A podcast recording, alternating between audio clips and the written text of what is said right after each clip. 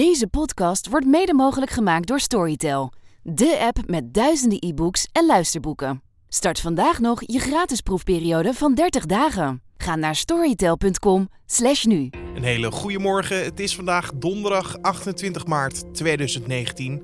Mijn naam is Carne van der Brink en dit is de Nu.nl Dit Wordt Het Nieuws podcast. Woensdagavond heeft het Britse lagerhuis van zich laten horen. Er werd gestemd over alternatieve plannen voor de brexit en dat was geen succes te noemen. Voor geen van alle plannen was een meerderheid te vinden. En de vraag is dan ook, komt er nog een overeenstemming tussen de Britten en de EU? We blijven toch vrienden met de Engelsen, daar kan toch geen bezwaar tegen zijn. We hebben geen oorlog. Het is gewoon een, eh, het uittreden uit een economisch verband dat kan gebeuren, maar dat is geen reden om ruzie te maken. Straks meer hierover met Hans Maassen, douane-expert en adviseur van de European Research Group. Dat is een denktank met voornamelijk conservatieve Britse parlementariërs. Maar eerst kijken we naar het belangrijkste nieuws van nu. 27% van de meisjes in het voortgezet speciaal onderwijs zegt ooit gedwongen te zijn tot seksuele handelingen. In het reguliere onderwijs geldt dat voor 7% van de meisjes. Dat blijkt uit onderzoek dat Rutgers en SOA is Nederland vandaag presenteren, zo meldt de Volkskrant. Aan het onderzoek werkten 1113 jongeren mee, waarvan er 807 op het speciaal onderwijs zaten. Meestal gaat het om tongzoenen of aanraken tegen de wil, maar een kwart van de meisjes uit het speciaal onderwijs zegt ook wel eens onvrijwillig orale of manuele seks te hebben gehad. 13% had te maken met geslachtsgemeenschap tegen de zin in. De Duitse hardrockband Ramstein ligt onder vuur bij de Joodse groepen en politici nadat een video is verschenen waarin de band reclame maakt voor hun nieuwe album. Ze verschijnen daar als concentratiekampgevangenen. In de video dragen de muzikanten gestreepte uniformen met stroppen om hun nek. Deze video overschrijdt een grens, dat zegt Charlotte Knobloch, een overlevende van de Holocaust en voormalig voorzitter van de Centrale Joodse Raad in Duitsland. Dit zegt zij tegenover de krant Bild. Het is niet de eerste keer dat Ramstein de controverse opzoekt. De band maakte eerder al albums met onderwerpen als homoseksualiteit, incest, misbruik, necrofilie, cannibalisme en seksueel geweld. De overgrote meerderheid van de Nederlandse volwassenen is tevreden met zijn of haar leven. Zo'n 4 op de 10 Nederlanders zeggen wel pessimistisch te zijn over de situatie in Nederland. Tot deze groep behoren relatief vaak ouderen, laagopgeleide en mannen. Dat blijkt uit cijfers die het Centraal Bureau voor de Statistiek donderdag publiceerde. Bijna 9 op de 10 volwassenen zeggen in 2018 tevreden te zijn geweest over hun leven. Het percentage tevreden mensen ligt zelfs 2% hoger dan in 2013, al dus het CBS. Ruim 1 op de 3 ondervraagden zegt pessimistisch te zijn over het leven in Nederland en te denken dat het de verkeerde kant op gaat. En als reactie zegt bijna 1 op de 10 Nederlanders niet te weten of het de goede kant of de verkeerde kant op gaat. Dagblad De Limburger spant een kort geding aan tegen de gemeente Kerkrade. Dat doet de krant omdat een van hun journalisten op camerabeelden staat op de website van de gemeente. Een journalist van de krant was op 27 februari aanwezig in het stadhuis en hoorde daar buiten de raadzaal dat Heerlens burgemeester Ralf Kreewinkel als tweede was geëindigd in de burgemeestersrace in Kerkrade. Dat werd in een besloten raadsvergadering meegedeeld door de Vertrouwenscommissie. Vervolgens werd het verhaal in de krant gepubliceerd, waarna Kerkrade aangifte deed. Zij hadden de videobeelden bestudeerd en vond dat er sprake was van afluisteren. Op 13 maart was er een rechtszaak die gewonnen werd door de krant. De journalist mocht in het stadhuis aanwezig zijn en hij gebruikte geen technische hulpmiddelen om het gesprek af te luisteren. Alleen een week later werden de beelden waarop de journalist in het stadhuis wordt gevolgd op de gemeentelijke website gezet. En daar volgt nu een kort geding over. En dan moeten we het even over vandaag hebben. Wat staat er te gebeuren? Oftewel, dit wordt het nieuws. Wat willen de Britten? Niet het akkoord van premier Theresa May en geen no deal. Maar wat dan wel? Er mocht woensdag gestemd worden over alternatieven, maar ook daar was voor geen enkel plan een meerderheid te vinden. En de parlementariërs konden nog wel kiezen uit acht verschillende plannen. En ondanks dat de Britten geen no-deal Brexit willen, is dat risico er zeker. 12 april zou dat scenario namelijk werkelijkheid kunnen worden. Collega Julien Dom sprak erover met douane-expert Hans Maassen. De heer Maassen adviseert de European Research Group. Dat is een denktank van voornamelijk conservatieve Britse parlementariërs. En parlementariërs in deze denktank waren fel tegen het akkoord dat Theresa May op tafel had gelegd. Maar nu lijkt de voorzitter van de denktank, de conservatieve Jacob Rees-Mogg, te draaien. Ja, de situatie rondom Brexit verandert van dag tot dag, van uur tot uur bijna. En uh, de stemming in het parlement uh, maken toch dat uh, er een andere inschatting wordt gemaakt. De kans is dat in het parlement de Remainers, dus de mensen die willen dat het Verenigd Koninkrijk bij de Europese Unie blijft, de overhand gaan krijgen. En dat er helemaal geen Brexit komt. En uh, als reactie daarop zijn dan de Brexiteers, dus de mensen die eruit willen stappen, een beetje eieren voor hun geld aan kiezen. En overwegen ze het voorstel van meneer, mevrouw May te steunen. Ze vinden het verre van ideaal, maar ze willen ten koste van alles voorkomen dat er geen Brexit plaatsvindt. Lijkt het er dan ook op dat de, ja, de voltallige European Research Group, alle parlementsleden die daarin zitten, ook nu ja, meer de kant van mee durven kiezen? Nou ja, dat is een beetje de vraag of het een voltallige uh, European Research Group zal zijn. Dat zijn ongeveer 80 tot 100 parlementariërs.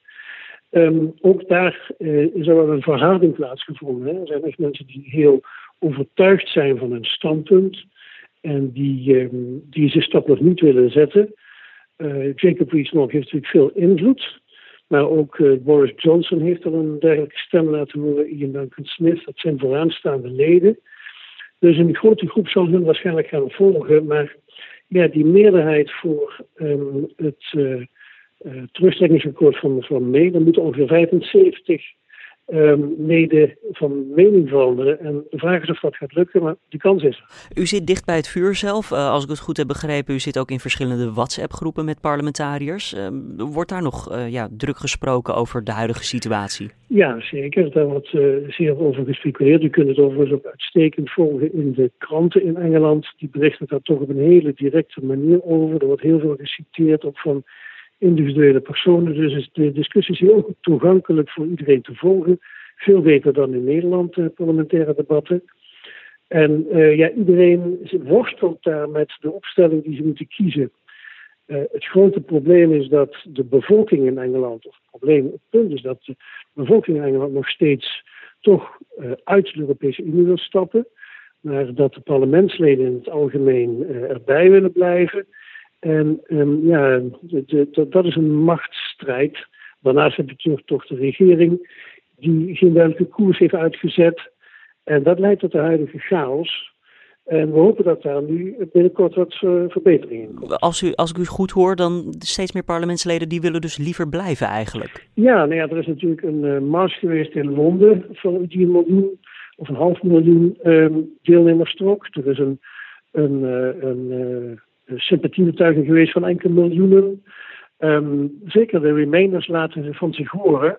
Maar feit is dat er een formele referendum heeft plaatsgevonden twee jaar geleden. Waarbij duidelijk is gezegd dat het een bindend referendum zou zijn. Waarbij de Verenigd Koninkrijk de Unie, Europese Unie zou verlaten. Dat is ook tweemaal bevestigd. Er is een, een verkiezing geweest. Toen hebben 80% van de mensen gestemd voor het verlaten van de Europese Unie. Er zijn wetten aangenomen die dat vastleggen. En het is dus een beetje gek om dan terug te komen.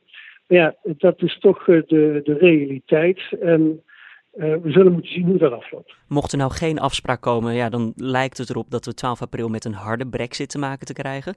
Um, ja, u, u, bent douane-expert. Wat zou een harde brexit precies betekenen? Nou, voor de Nederlanders zou dat zeker betekenen dat er uh, douaneformaliteiten komen aan de grens voor goederen althans, maar toch ook een heleboel ongemakken voor de, voor de burgers. Uh, je zou, een, uh, als je lang, langer in Engeland blijft, dan moet je daar um, uh, moet je dat melden. Dan moet je een visum aanvragen en al dat soort dingen. Maar ook voor Engelsen die naar Europa komen, zou dat het geval moeten zijn of kunnen zijn. Dus heel veel ongemakken. Um, dus daar is toch, komt toch wel op, wat op ons af. De verwachting is toch wel dat op het allerlaatste moment um, er iets van een akkoord wordt gesloten. Er ligt natuurlijk al heel veel vast in dat withdrawal agreement van Mrs. May. Er zijn al heel veel detailafspraken gemaakt. En het kan toch niet zo zijn dat zowel de EU als het VK eigenlijk uh, wel iets wil afspreken, maar dat het niet tot stand komt. Ik kan me niet voorstellen dat het bedrijfsleven ook de burgers zeggen: politici, kom, uh, doe je best. Uh, maak een afspraak die werkbaar is voor, voor ons allemaal. We blijven toch vrienden met de Engelsen. Daar kan toch geen bezwaar tegen zijn. We hebben geen oorlog. Het is gewoon een, eh, het uittreden uit een economisch verband. Dat kan gebeuren, maar dat is geen reden om ruzie te maken. Theresa May is zelf wel enigszins de regie kwijtgeraakt deze week. Uh, is dat een positief of negatief? Ja, dat is nog een understatement. Ze heeft die regie natuurlijk steeds verder verloren. Je ziet nu dat het parlement uh, eigen standpunten gaat bepalen. Uit een reeks mogelijke modellen gaan ze een keuze maken. Dat zijn weliswaar geen, geen bindende keuzes. En Mrs. May heeft ook gezegd van ik houd me, ik, ik, ik uh, houd me voor dat ik te, te, me er niet aan hoef te houden. Zij, is daar, uh, heeft daar de autoriteit toe om dat naast zich neer te leggen. Maar um, ja, als het parlement zegt we willen linksom of rechtsom, dan zal ze daar toch wel meer rekening moeten houden. Maar dat is een van de problemen. Ze heeft de regie uit handen. Ja, maar inderdaad, als zij dan zegt van ja, weet je, dat ga ik gewoon niet doen. Hartstikke leuk dat jullie dat willen als parlement. Maar ja, dan komt het toch een beetje uit op zoek het maar uit van haar, of niet? Nou ja, zij moet ook rekening houden met de positie van de Europese Unie. Die is nogal star. Dus als er iets uitkomt wat, uh, wat de Europese Unie niet acceptabel acht, ja, dan, uh, dan is het voor haar ook moeilijk te verkopen. Dus dan, dan moet ze zich de vrijheid voorbehouden om er geen rekening mee hoeven te houden. U denkt dus dat ja, de, het Verenigd Koninkrijk en de Europese Unie er wel uitkomen op het laatste moment? Ik kan me niet voorstellen dat dat niet gebeurt. De belangen zijn te groot. Er zijn grote handelsbelangen. Eh, de burgers willen toch gewoon eh, de vrijheid hebben over en weer elkaar te bezoeken en te reizen. Uh, waarom zouden we tot zo'n uitkomst komen? Het is een tragisch proces. Ik denk dat zeker de Engelsen daar het grootste, de grootste oorzaak voor hebben aangedragen. Maar ook Europa heeft zich heel stag opgesteld. Er zit geen meter flexibiliteit in. Um, maar het kan toch niet zo zijn dat, dat burgers en bedrijven dan, omdat de politiek het niet eens wordt, gedwongen worden tot allerlei maatregelen die ze, die ze eigenlijk niet willen volgen. Zal een van de politieke partijen harde klappen ontvangen als het uiteindelijk dan toch geen harde brexit wordt? Zal iemand ja, de schuld op zich moeten nemen? Uh, ik bedoel, in Engeland, nou ja, goed, de conservatieven hebben nog steeds een meerderheid, uh, maar het schijnt in de, in de polls, hè, in de, in de uh, verkiezingen, zouden ze die toch nog wel in de peilingen. opmerkelijk is dat Labour ook een heel sterk standpunt inneemt. Hè. Uh, Jeremy Corbyn houdt de uh, rangen gesloten. Uh, wat hij wil is een douane-unie. Dat is eigenlijk niet uittreden uit de Europese Unie. hij, nou, hij slaagt erin zijn, zijn rangen gesloten te houden. Um, maar hij slaagt er niet in een meerderheid van de kiezers te krijgen. Hij wordt gezien als een marxist. En, en de conservatieven zijn nog banger voor een, een mogelijke regering Corbyn dan voor een Brexit die niet door zou gaan. Dus ze uh, doen er alles aan om nu verkiezingen, verkiezingen te vermijden, zodat ze niet uh, als uitkomst hebben dat ze niet meer aan de macht zijn en Mr. Corbyn uh, met de scepter kan gaan zwaaien. Hans Maassen was dat in gesprek met collega Julien Dom. En we onderbreken deze podcast even voor een bijdrage van onze sponsor Storytel. In het kader van de Boekenweek heeft Storytel een selectie van vijf luisterboeken gemaakt voor jou. En daar gaan we even naar luisteren. Het thema van de 84ste Boekenweek is De Moeder de Vrouw. Dit jaar worden boeken over het moederschap in de spotlights gezet. Luister nu naar een fragment uit De Verloren Kinderen van Daini Costello. Ruzie. Alweer. Rita hoorde ze door de vloer de klagelijk jammerende stem van haar moeder en het woedende gebrul van die man. Even bleef ze stil in bed liggen luisteren. Ze kon ze niet verstaan, maar dat ze ruzie hadden was duidelijk. Rosie, haar zusje, lag rustig te slapen aan de andere kant van het eenpersoonsbed dat ze deelde, met Felix de zwerfkat opgerold tegen haar aan. Hoe hard ze beneden ook tekeer gingen, ze werd nooit wakker. Rita liet zich uit bed glijden en liep op haar tenen de kamer door, de gang op. Vaal groen licht van een straatlantaarn scheen door het kleine raam op de overloop en verlichtte de smalle trap. Dof, geel licht bescheen door de half geopende keukendeur het gescheurde bruine linoleum en zorgde voor schaduwen in de hal. De stemmen kwamen uit de keuken, nog steeds luid nog steeds boos. Rita drukte haar gezicht tegen het hek om het trapgat. Hier kon ze af en toe een paar woorden verstaan. Mijn kinderen niet van me af. De stem van haar moeder. Addergebroed van een ander. Zijn stem. Rita huiverde bij het geluid van die stem. Oom Jimmy, de nieuwe vriend van mama. Toen begon mama te huilen en haar gejammer echode door de hal. Allemachtig, zijn stem weer. Schei uit met dat gejank, mens, anders ben ik meteen weg. Er viel een stoel om en de lichtstraal verbreedde zich omdat de deur verder openging. Rita schoot de slaapkamer weer in, waarbij de deur onheilspellend kraakte. Ze sprong in bed, schopte de protesterende Felix weg en trok het laken over haar hoofd. Ze probeerde haar ademhaling te kalmeren en aan te passen aan die van Rosie, de rustige ademhaling van iemand die sliep. Maar dat bloed raasde in haar oren toen ze de zware voetstappen op de trap hoorde. Hij kwam naar boven. Wil je het hele boek afluisteren? Start dan je gratis proefperiode van 30 dagen op storytel.com/nu. En dan kijken we weer even naar de agenda van vandaag. Want vandaag zullen de Onderzoeksraad voor Veiligheid, de Inspectie Jeugd en Veiligheid en de Inspectie Gezondheidszorg en Jeugd met rapporten over de zaak Anne Faber naar buiten komen. Het zal vooral gaan over de situatie van Michael P., die vorig jaar werd veroordeeld tot 28 jaar cel en TBS voor het verkrachten en doden van Anne Faber. Volgens ingewijden zullen de conclusies van de rapporten pittig zijn. En het gemeentebestuur van Emmen beslist vandaag over een reddingsplan om het noodlijdende dierenpark in Emmen, Wildlands Adventure Zoo, op de been te houden. Het park draait verlies door tegenvallende bezoekersaantallen en vorig jaar vielen de eerste ontslagen al in het park. En dan nog even het weer. De dag begint wat mistig, maar die trekt in de loop van de ochtend snel weg.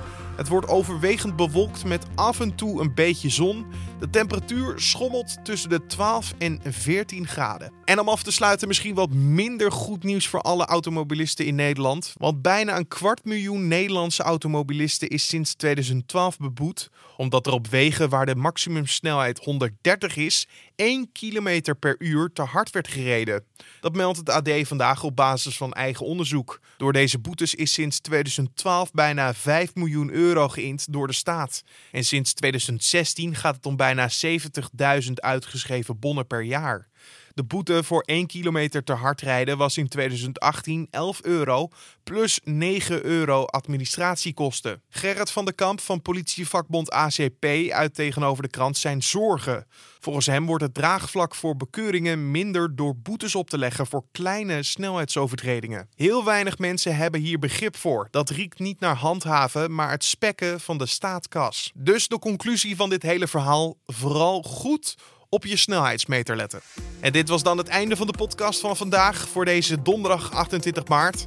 Je kan de podcast natuurlijk elke maandag tot en met vrijdag vinden op de voorpagina van nu.nl en in je favoriete podcast-app. Wij proberen hem elke dag weer online te zetten om 6 uur ochtends. Dus als je geabonneerd bent op deze podcast, dan krijg je een melding van: hey, er staat weer een nieuwe online. En die kan je dan gelijk luisteren. Dus doe dat vooral, want zo mis je nooit een aflevering. Je kan ons laten weten wat je van deze podcast vindt via mailtje naar podcast.nu.nl of een recensie in iTunes. Mijn naam is Carne van der Brink. Ik wens je een hele fijne donderdag en tot morgen.